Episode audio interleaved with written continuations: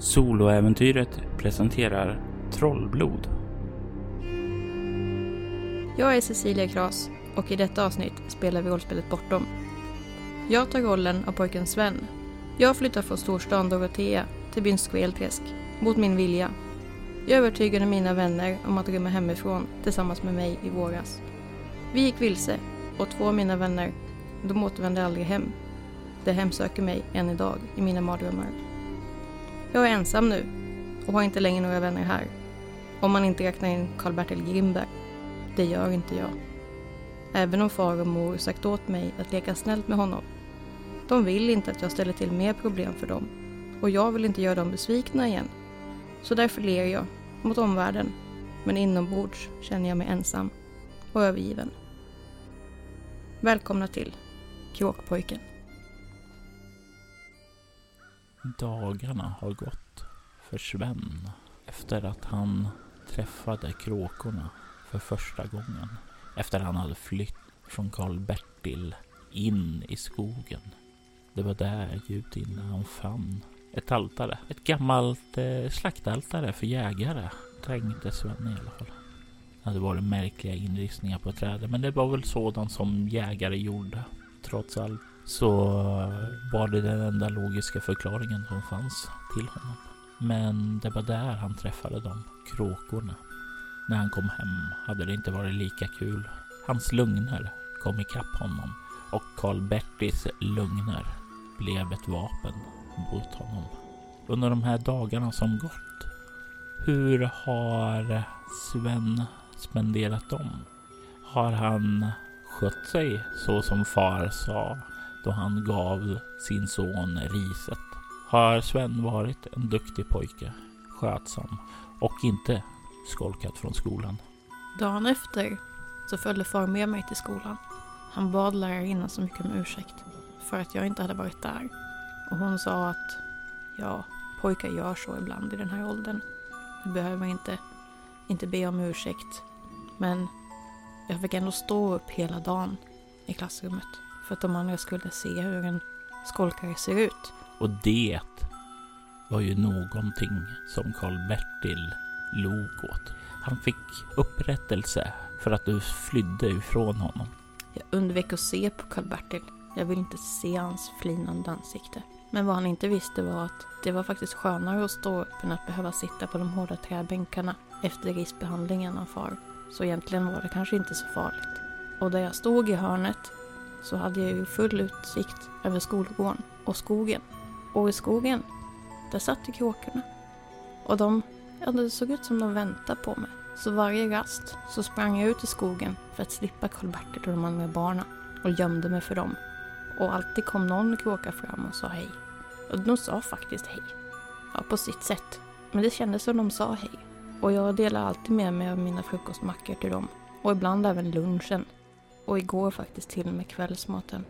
Jag har inte ätit så mycket de senaste dagarna. Men det gör inget. För kråkorna blir så glada. Och jag blir glad när de är glada. Och man kan inte sätta pris på vänskap. Har man vänner så kan man klara nästan vad som helst. Under dagarna som har gått efter det så har det varit lite mer närvarande föräldrar i ditt liv. Du har fått hjälpa till mer hemma, fått lite mindre fritid. Men du har ändå de här tiden på kvällarna då du har kunnat slinka ut ur huset och in i skogen till kråkorna. De här stunderna är värdefulla för dig. Det är tidig morgon nu. Far har väckt dig, tagit med dig ut. Under gårdagen hade han varit ute med Grimberg och hämtat upp näten de hade lagt ut. De hade fått mycket fisk. Näten behövde torkas och de har hängt ute under eftermiddagen igår och över natten. Och idag ska Grimberg ha tillbaka sina nät. Du har fått komma med nu på morgonen för att hjälpa att plocka ner dem, vira ihop dem och se till att Grimberg ska få tillbaka sina nät. Far, han har inte sagt så mycket utan han går där ganska tyst och börjar vika upp dem så som han alltid har gjort. Är Sven van att vika ihop näten eller är det bland de första gångerna han hjälper till här? Det är första gången som jag viker ihop nät utan Masse, Klas och Agnes. Vi brukade alltid hjälpas åt tillsammans. Våra små flinka fingrar var, var bra, sa de vuxna, för att reda ut alla knutar och härvor som blev. Så det känns lite konstigt att vara här alldeles själv. För vi brukar ju vara fler.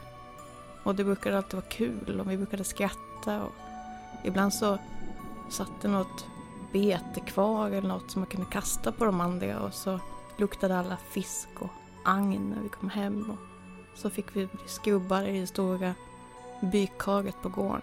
Men de minnena gör lite för ont för att tänka på. Så jag försöker att börja jobba på och göra far stolt. Under den här tiden som har gått så har du hunnit få tillbaka dina bestående förluster, men inte din skräcknivå. Du slår nu ett chockartat skräckslag med utstrålning. När du tänker på de här minnena och de börjar bubbla upp till ytan. Nio. Du får en bestående förlust och för ett ögonblick så glider omgivningen undan. Och du minns när ni står ute på myren, ute i vildmarken, vilsna. Du kan se hur Agnes står och huttrar. Och du ser hur Masse står framför henne. Och du minns grälet. Du minns hur Masse kollar ilsket på dig. Vad har du dragit ut oss på Sven? Vi, vi, vi vet inte var vi ska någonstans. Vart var ska vi? Du vet ju inte var vi ska, eller hur? Jag snyftar till och drar upp axlarna mot öronen och vet inte vad jag ska ta vägen. Jag, jag tittar på Klas. Du kan se hur Klas går fram till dig, lägger handen på din axel. Och du kan se hur Agnes, som står där och skallrar tänderna, du, du, du, du, du, du, ditt, ditt fel, det är ditt fel. Säger hon och du kan se massor liksom blänger sig på det. Du kommer bara leda oss vilse. Du, du, ditt fel allt det här. Kom Agnes, kom Agnes så går vi härifrån. Den här, han ska ändå flytta härifrån snart. Sen vänder han sig om och du ser hur Agnes också gör det och börjar gå därifrån. Du känner Klas hand på din axel och han säger de, de, de menar inte, de är bara hungriga, trötta och rädda. Och sen så känner du hur Klas ger dig en kram. Och du hör din fars röst. Sven? Hallå? God morgon Sven. Jag rycker till och tittar upp på min far. Ja, jag far. Förlåt far. Det är ingen fara. Eh, är du trött? Lite grann far. Eh, ja, du har hjälpt till rätt bra nu så du kan gå in och ta lite frukost. Nej, jag, jag orkar mer far. Det är okej. Jag, jag kan göra mer. Ja då, det går så bra. Men gå in, ta lite frukost och kom ut sen då. Vill far ha någonting? Jag kanske kan ta med mig någonting ut till far. Du kan ta med en kopp kaffe ut. Ja, far. Jag mm, kommer snart på fötter och springer hemåt. Ivrig att vara med far till lags. Och du, hinner ta en del steg så lägger du märke till någonting annat.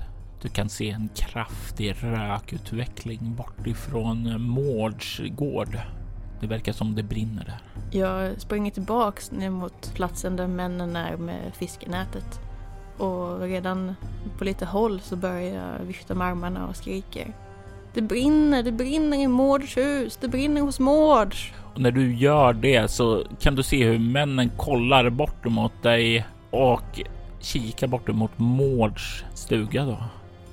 Den ligger ju långt in i skogen så det är ju bara den här rökmolnet som ser upp du kan se hur deras ögon blir vidöppna när de ser det och direkt då så börjar de att handla. Någon börjar springa och dra upp vatten i spannar. Någon springer iväg för att eh, hämta eh, en vagn så att de kan fylla på med vatten där för att börja ge sig utåt där. Du kan se hur din far är en av dem som börjar dra upp det. Jag står ett ögonblick och ser på den febrila aktiviteten som blir och så tänker jag men det är ju ingen som har sprungit dit för att hjälpa till. Det är ingen som har sprungit dit för att se hur det är med Miriam. Så jag vänder och springer allt vad jag kan genom skogen. Jag vet en genväg. Så jag springer, skyndar mig för att komma fram till huset. Du rusar. Och den här genvägen du talar om. Hur fann du den? Är det för att du har utforskat trakten mycket? För att du har velat ja, utforska trakten där du bor när du var ny här? Eller för att du har gått många gånger till fröken Mårds gård eller? Det finns en väg inom skogen som kvinnorna brukar ta när de går ner till, till ån för att byka. Och den vägen, den förgrenar sig. Så den, på ett ställe så, så delar den på sig och går från ån upp till vårt hus och åt andra hållet mot Mårds gård. Så man kan ta den vägen. Det är lite närmare landsvägen. Jag vill att du slår ett kropp, rörlighet, svårt slag för att se om du hinner se något innan du kommer fram. På kull. Det kan du få räkna. 16. Längre fram så kan du se ut i skogen hur någonting rör sig där. Hur någonting prasslar till lite längre bort. Som om någon rör sig där bort ifrån fröken Mårds stuga. Fortsätter du vidare mot fröken Mård eller försöker du få en skymt av vad den än är som verkar röra sig bort från fröken Mårds stuga? Jag springer och ser rörelsen i ögonvrån och tänker att det kanske förmodligen är ett djur som blivit uppskrämd av röklukten. Alla vet ju att djur inte tycker om eld. Så jag springer allt vad jag kan mot gården. Vad har du obemärkt? Fyra. Du ser i ögonvrån när du tar det där och du slutar röra dig bort att det inte är ett djur. Du ser inte riktigt vad det är. Men genom grenverket så ser du den långa svarta cylinderhatten röra sig vidare in. Den människa som rör sig bortåt. Jag hejdar mina steg. En cylinderhatt.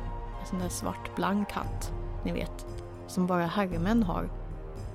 Det är jättekonstigt att en sån är i skogen här. För även om herr Mård är en, en hyvens karl så är han ingen herreman. Jag tvekar lite grann. Men nu känner jag röklukten. Och Miriam kan ju vara i fara. Så jag fortsätter mot gården. Och du rusar den sista biten ut. Och du kommer ut och kan ju se hur det bort ifrån huset, det brinner. Du kan se hur Miriam kämpar tillsammans med sin far för att släcka elden där. Hur de försöker göra det bästa av situationen när de desperat kämpar i underläge för att släcka elden. Jag springer fram mot dem och ropar. De andra är på väg. Hjälp är på väg. Vi kommer. Du kan få slå ett utstrålning kameleont. 12. Du kan se hur de kollar emot dig. Och du kan se i Hermords ögon att någonting, ilska eller rädsla, oro i alla fall, flammar upp i hans ögon när han ser dig ropa det där. Men han verkar sedan vända tillbaka blicken för att fortsätta och kämpa med att hämta vatten från brunnen och kasta upp och släcka och sådant. Och du kan höra fröken Mård säga Hjälp till här, hjälp till här, hämta en hink, hämta en hink eh, Sven. Jag har stannat upp i mina steg när jag såg blicken hos herr Mård och blir liksom ståendes mest typ på gårdsplan. Men Miriams ord får mig att liksom vakna upp igen. Så jag, jag rusar till, eh, till stallet och hämtar en, en hink. Och hjälper till allt vad jag kan. Du kan snart höra hur vagnen kommer närmare med stora vattenresurser. Och männen kommer springande vid den och hoppa in i släckningsarbetet. Elden blir snart under kontroll. Huset eh, räddas och när liksom allting det här börjar lugna ner sig, när de är säkra på att det inte ska sprida vidare, ser du hur fröken Mård kommer fram till dig. Eh, ja, jag hörde det var du som eh, uppmärksammade de andra på det. Ja, ja fröken Mård, jag såg röken. Hon ler emot dig och säger tack. Och sen så böjer hon sig fram och ger dig en lätt puss på kinden. Jag blir alldeles varm. Jag tittar ner i marken och petar med, med stöveln i gruset lite grann. Eh, har du ätit någonting? Um, nej, vi har inte hunnit det än. Vi har varit vid sjön och, och tagit hand om fisknäten. Då går jag in och ordna någonting åt dig att äta. En sån här hjälteinsats, det, det ska jag ju se till att belöna. Tack fröken Maud. Hon reser sig upp ifrån dig och sen kliver iväg. Du kan se hur männen går omkring och talar här. Du kan se hur Hans Petter kliver fram till din far. Börjar tala med honom. Du kan se hur deras blickar riktas lite diskret mot dig. Du har en känsla av att de talar om dig. Och känslan av att bli uttittad. Den här blicken av ja, skuld som du känner där. Alltså att du inte riktigt lever upp till dina föräldrars förväntningar. Den väcks åter som en liten klump i magen. För att i nästa ögonblick ersättas av eh, Miriams röst som säger Här, här har vi lite frukost. Jag hoppas det duger. Och du kan se att det är inte bara några torra ostmackor. Det är även med lite extra saker som sill och lite annat. Några ägg. Det är en frukostmåltid för en hjälte. Och ta tack fröken Mård. Men det hade inte behövts. En, en, ett par mackor hade gått jättebra. Hon lägger handen på din axel, sträcker fram tallriken och säger du ska räta på ryggen och vara stolt över vad du har gjort. Vi är väldigt tacksamma för det här. Jag sneglar lite bort mot min far och de andra männen. Och du kan se hur eh, de verkar just då du gör det. Det är som de är klara med samtalet, verkar splittras och eh, börjar gå till andra klungor och prata med dem. Jag tar emot tallriken och, och, och tackar så mycket igen. Men, men, men tack då, fröken Maud. Men jag, jag gjorde bara vad varje god granne skulle ha gjort. Hon ler mot dig. Då tycker jag det är en fantastisk tur att vi bor grannar då, säger hon och ler. Klappar dig på axeln. Jag, jag ska bara gå och tala lite med min far. Eh, det finns en hel del nu att kolla över. Och sen så kliver hon iväg och du står där med hennes beröm och hennes belöning i din hand. Och det känns så bra.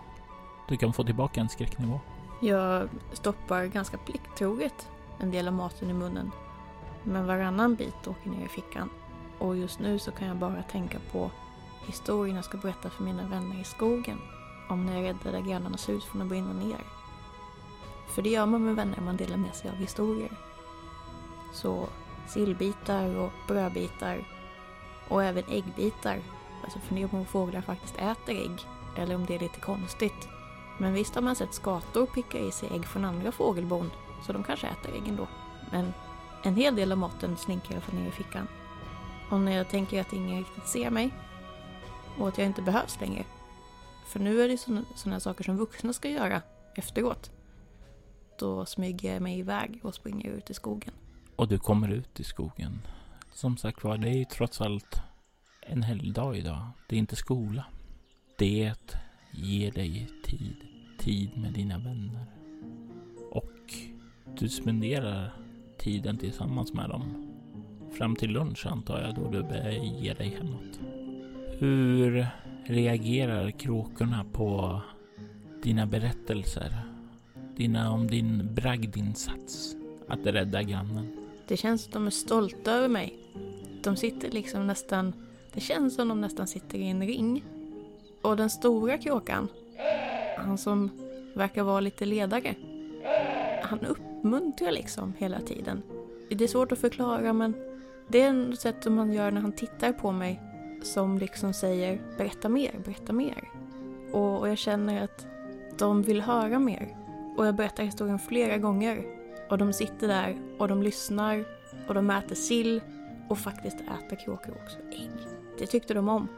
Det måste jag komma ihåg. Det är en bra dag. Du har räddat fröken Miriams hem och fått uppmuntring av dina vänner. Det kunde faktiskt inte börjat mycket bättre den här dagen. Du beger dig hem till lunch och när du kliver innanför dörren så hör du din mor. Ja, jag hörde, hörde om vad du har gjort, säger hon med ganska neutral röst. Jag kliver in i köket lite försiktigt och ser på min mor. Ja, det var ingen stor sak. Jag bara sa att det rök. Sen kom ju pappa och de andra och gjorde det stora jobbet. Ja, men du förstår, de karlarna där, de, de verkar ju inte ha sett det. Du ska räta på ryggen. Du gör någonting bra. Ja, mor. Sätt dig ner där så ser jag till att lägga upp din måltid. Tack mor. Och du ser när du sätter den ner där. Hon kommer med tallriken. Att det är din favoritmåltid. Vad är det som du älskar mer än allt annat? Jag tycker alltid om på senhösten framför allt. När de har haft den stora slakten och de gör blodpalt. Det är min favoritmat. Men det är ju sånt man bara äter på senhösten. Annars är är det ganska dyrt att få tag i blod för att kunna göra blodpalt. För de har ju inte slaktat grisarna än. Men jag blir jätteglad och tänker att nu kanske det vänder. Nu kanske mor och far blir som vanligt igen. Det kan ju se hur din far eh, kommer in när du sitter där och njuter av maten och han nickar åt dig eh, och säger Ja, det var ju tur att du såg det där. Jag vet ju inte hur det skulle gått annars. Faktum är att eh, jag kunde inte vara mer stolt över dig. Du och jag ska ut på en liten upptäcktsfärd i natt. Vi ska kolla på en sak. I natt? I natt. Så se till att vila upp dig efter maten. Du, du kan, behöver inte oroa dig för dina sysslor eller sådant. Ta bara tiden och vila upp dig och ha lite roligt. Ja, far. Absolut, far. Du kan se han sätter sig ned och tar sin portion blodpalt. Och han tar upp tidningen och börjar kolla ner. Så som man brukar göra vid lunch. Jag sitter tyst och äter. Men kommer plötsligt på en sak. Jo, far.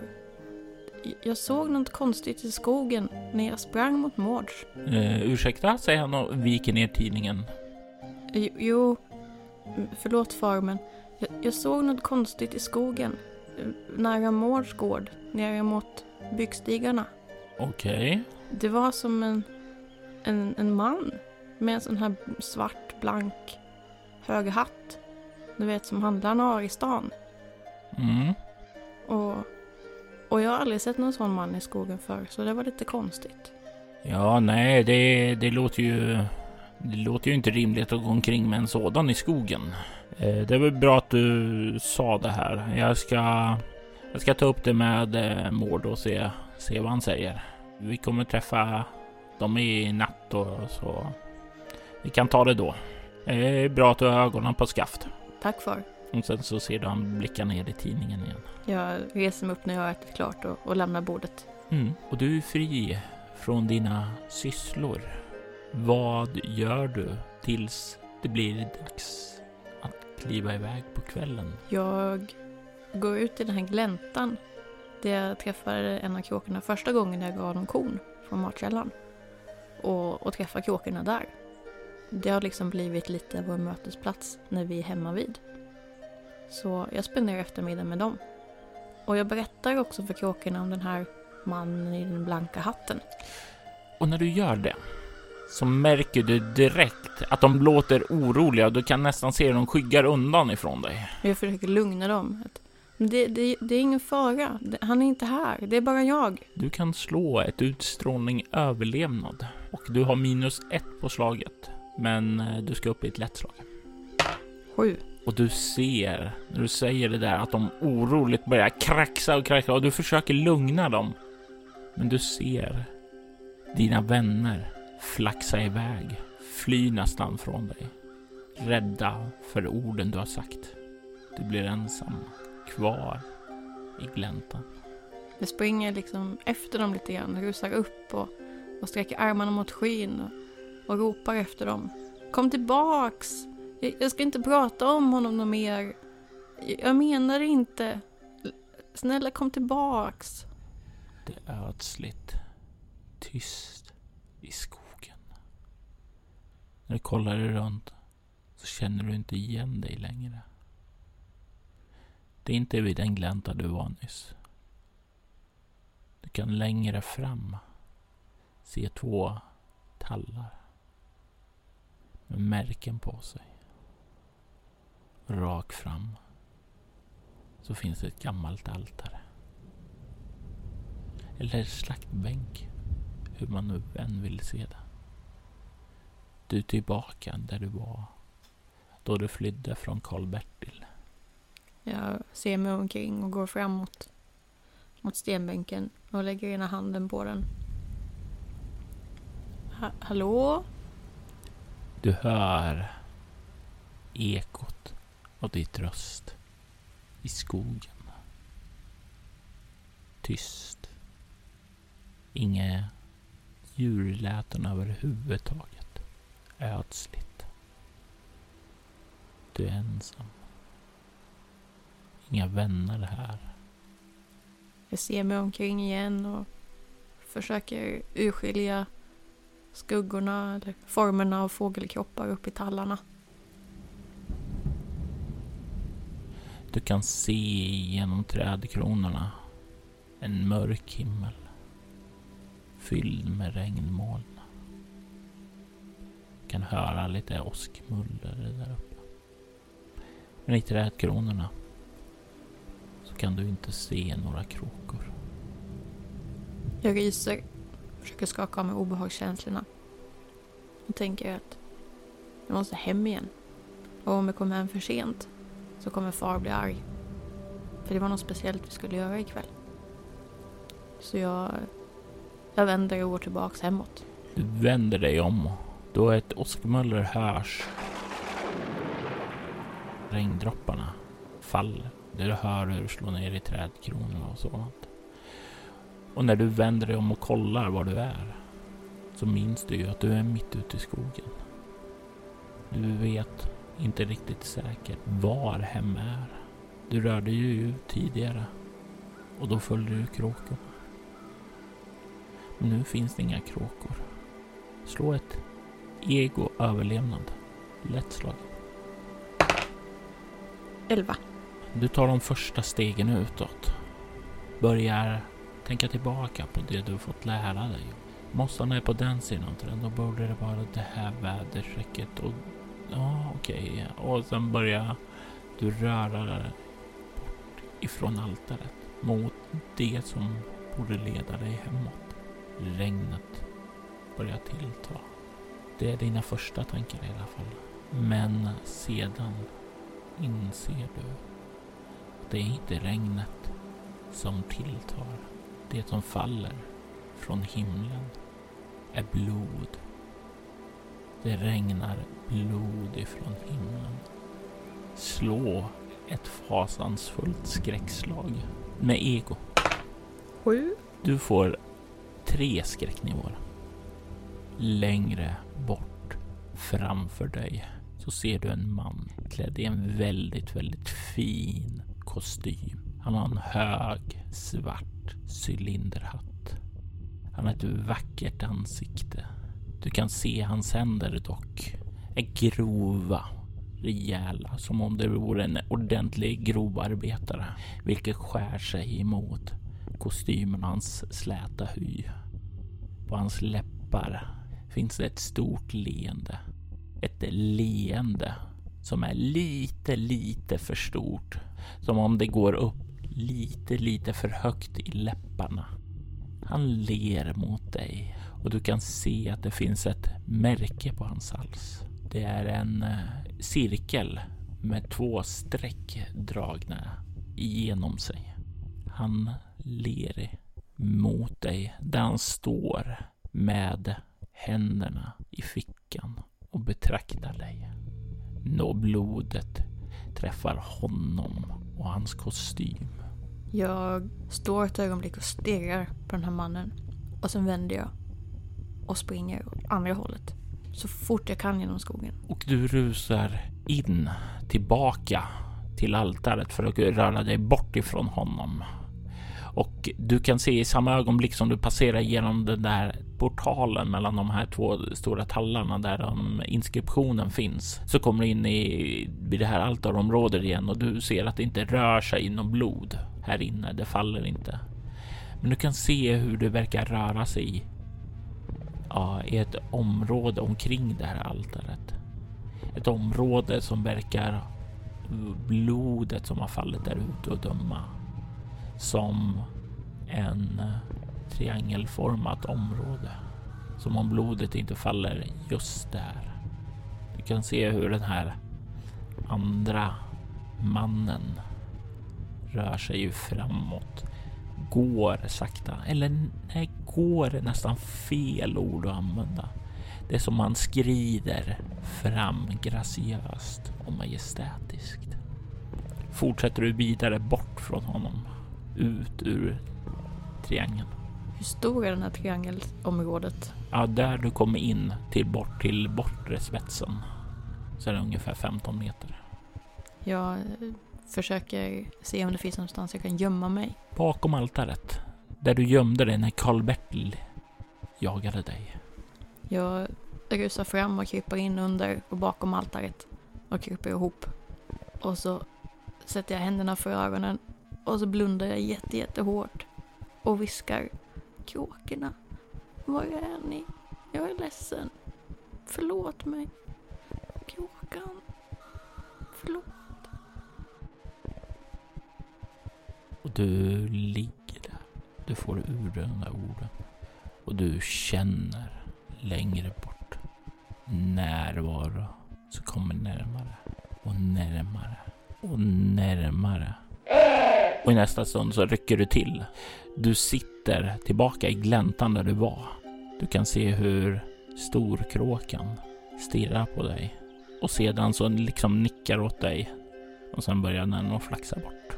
Jag tittar på min kropp, på mina händer. Är jag blöt? Du är inte blöt. Jag kommer snabbt på fötter och ropar efter kråkan. Tack! Tack kråkan! Och sen rusar jag tillbaks upp mot, mot gården. Mot far och mot mor. Och du kan se hur far kollar upp mot dig och nickar lite så här leende. Ungefär som du är ute och springer och leker. Jag rusar fram mot honom och tänker att jag måste berätta vad som har hänt. Och, och sen hejdar jag mig och tänker att han kommer aldrig tro på mig. Han, han, kommer, han kommer tro att jag ljuger igen. Och, och då får jag hämta riset. Jag stannar och står handfallen på gårdsplanen. Hur är det Sven? Du ser lite uppjagad ut. Ehm, nej far, det, var, det är inget. Jag, jag kanske bara är lite trött efter morgonen. Ja, du kanske ska ta och vila dig lite så du är pigg och stark när du ska med mig i natt. Va, vad är det vi ska göra i natt? Va, va, var ska vi gå? Ja, jag gissar väl att jag kan säga det efter att visa dig pålitlig. Vi ska till en gammal plats här i trakten som de vuxna i familjerna besöker. Och efter ditt dåd idag, Sven, så är du vuxen. Du är redo. Du kan slå ett utstrålning kameleont. Och du ska upp i 15. Sju. Du kan se att din far är ganska allvarlig när han säger det här. Det här är ingen lek och det är ingen skoj, utan det här är det här är verkligen vuxengrejer och det är saker som han inte tidigare skulle berätta för dig. Jag petar med, med stöveln i gruset som jag gör när jag är lite fundersam och tänker att jag, jag vill ju göra far till lags. Det, jag vill ju att han ska se att jag kan saker. Men så på det sättet far berättar det här så känns det lite obehagligt. Så jag tittar ner i marken och säger att jag har ju inte gått ut skolan än. Hur, hur kan jag vara vuxen? Han kliver fram till dig, går ner och ställer sig på ett knä och lägger händerna på dina axlar. Vuxen handlar inte om ålder, utan det handlar om ansvar. Det du gjorde när vi flyttade, det var inte en vuxen man. Jag ska vara ärlig med dig. Jag skämdes för dig. Jag eh, var inte glad över vad du gjorde. Varna oss att det brann. Att sedan rusa dit för att hjälpa till. En sådan handling. Det är att vara man. Och det du gjorde, det förtjänar att uppmärksammas. Det är därför jag vill ta dig dit vi ska. Det är för att alla familjer här i trakten ska förstå att vi i familjen Stenvik, vi är goda människor. Vi går att lita på. Vi hjälper de andra. Och det är därför vi ska dit. Och det är därför jag säger att du är vuxen. För att du tar ditt ansvar. Äntligen tar du ditt ansvar. Och sen gör han någonting som man, du inte kan dra dig till minnes att han har gjort på väldigt, väldigt länge. Han tar sina armar, omfamnar dig och ger dig en kram. Först står jag alldeles stel som en pinne, ovan vid den här typen av beröring. Inte ens min mor kramar mig. Jag har i alla fall inte gjort det sedan jag var jätte, jätteliten. Och jag vet inte om jag ska vara glad eller tycka det är lite konstigt. För far sa ju också att jag är vuxen. Och de vuxna männen i byn kramas verkligen inte. Men det känns ju bra. Det känns skönt när han håller om mig. Jag har verkligen saknat det här. Så jag lutar mig mot min fars axel och låter honom hålla om mig så länge han vill. Och det är länge. Betydligt längre än vad du trodde skulle vara möjligt. Och när han släpper ditt grepp och kollar han in i dina ögon med ett vagt leende. Och du kan se hur en tår har letat sig ned längs kinden. Han lägger handen på din kind. Jag älskar dig min son. Glöm inte det. Och sen så reser han sig upp och börjar kliva bort emot vedhögen. Jag står kvar på gårdsplanen några ögonblick och sen så springer jag tillbaks ner i gläntan. För det känns konstigt, fast bra på något sätt. Och de här dagarna som har gått så har det liksom blivit rutin att varje gång jag vill fundera på någonting så springer jag ner till gläntan. Och oftast, nästan alltid, så är kråkorna där. Och så kan jag berätta för dem vad jag tänker på. Kråkorna är ju givetvis här nu. Men du kommer för att vilja dela med dig av det. En del kanske biktar sig för präster och sådant. Men i Svens fall så blir det nästan att lätta sin själ för kråkorna. Vad säger Sven till kråkorna? Jag ber om ursäkt först. För att jag gjorde dem illa. För att jag skrämde dem. Jag menade inte det. Ni är ju mina vänner. Jag vill inte göra er något ont. Jag vill aldrig göra er något ont. Och, och tack för att ni kom och hämtade mig i det där konstiga regnet. Och vet ni, ni är nog de riktigaste vännerna som jag har.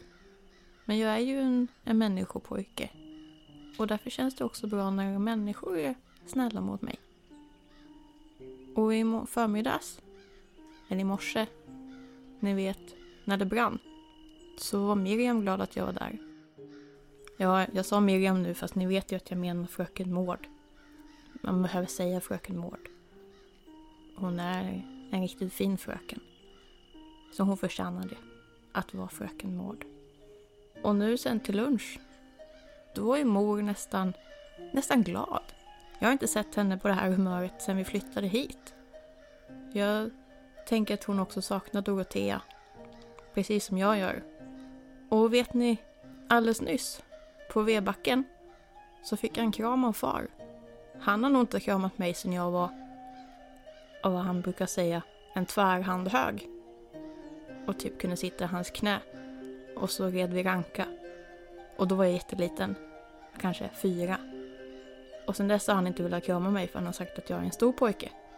Men vet ni, nu sa han att, att jag kanske är vuxen nu. Så, så då kan man kramas igen. Det är egentligen rätt konstigt hur vuxna tänker. Tycker ni inte det? Ser du hur de nästan nickar sina små huvuden åt dig när du frågar? Och då kommer jag på att jag har inte med mig någonting till dem just nu. Så... Jag kanske kan ta med mig något imorgon. Något jättefestligt. Du kan se hur några kråkor tar och lyfter och börjar flaxa iväg medan andra ja, hoppar fram närmare och lägger huvudet på sned och sen så verkar de bara nicka. Det blev lite hastigt nu så jag hann inte få med mig något. Men jag lovar att jag ska ta med mig någonting bättre imorgon. Men det kanske blir lite senare imorgon. För jag ska följa med far ut i skogen i natt. Du kan se hur de kråkorna som flaxar iväg kommer tillbaka. Och du kan se hur de flaxar fram till dig och släpper några hjortron i ditt knä. Jag ler. Tack. Och så sätter de sig ner och... Jag kan inte äta de här. Det är den finaste present jag fått. Om jag torkar dem så kan jag göra ett halsband av dem. Det blir som en gyllene skogshalsband som alltid kommer påminna mig om er. Så jag lägger hjortronen i fickan. Sen flaxar de lite med vingarna och sen så lägger de huvudet på sned och fäller ihop dem. Verkar, ja, du skulle nog säga att de ler. En vanlig människa skulle nog inte säga det, men du ser att de ler. Men vet ni, ni kanske kan följa med i skogen också. I natt, med mig och far. Så kan vi dela den upplevelsen sen. Så får ni också bli vuxna. Jag tänker nog att ni nog redan är vuxna. Men man delar ju saker med sina vänner. Och eh, när du säger det så, liksom, så får du instämmande kraxande och de verkar nicka. Du känner att de givetvis vill följa med sin vän. Så är det ju. Jag lägger mig ner på marken och fortsätter prata lite med dem. Och sen så dåser jag till, för det är ganska ljummet idag trots att det är höst. På dagarna är det fortfarande varmt ibland när solen är framme. Och jag glömmer liksom bort att bara för några timmar sedan så var det något konstigt regn och väder i skogen. Så jag ligger där och tittar på hösthimlen och pratar med kråkorna ända tills det börjar skymma. Jag tänker vara lite elak här nu och be dig slå ett eh, rutinmässigt kroppslag för att inte somna. Bara kropp då? Bara kropp. Åtta. Du somnar inte där ute. Så det innebär att din far aldrig behöver bli arg på dig. Du tar till slut och reser dig upp. Börjar röra dig tillbaka. Kvällen kommer och efter ätit så gör ni er redo för att bege er iväg. Ni kliver ut och kan se hur fröken Mård kommer med sin vagn. Ni kliver ombord på det. Den här gången får du sitta där bak. Din far slår sig ned bredvid fröken Mård. Ni börjar åka ut emot Grimbergs och där du sitter där bak så kan du se det. Dina vänner. De följer med på avstånd. Flaktar fram, sätter sig i träden, kollar er. När ni börjar komma därifrån lite längre så lyfter de och flaxar och följer efter. Ni kommer snart fram mot Grimberg. Där Mård stannar vagnen. Kan se hur Jens Grimberg står ute på farstubron. Hur han väntar på er. Hur han kliver ned emot er och gör en gest åt er. Att följa efter honom. När du kliver därifrån så kan du se ifrån köksfönstret hur Karl-Bertil står och stirrar ut på er. Avundsjuk på att han inte får följa med. Sven Stenvik spelades av Cecilia Kras och spelledare var Robert Jonsson. Temat till Trollblod komponerades och framfördes av Andreas Lundström. Övrig musik i detta avsnitt gjordes av Adrian von Ziegler, Jon Lahtinen och Godbody Disconnect. Godbody Disconnect är ett av skivbolaget Cryo Chambers många fantastiska band.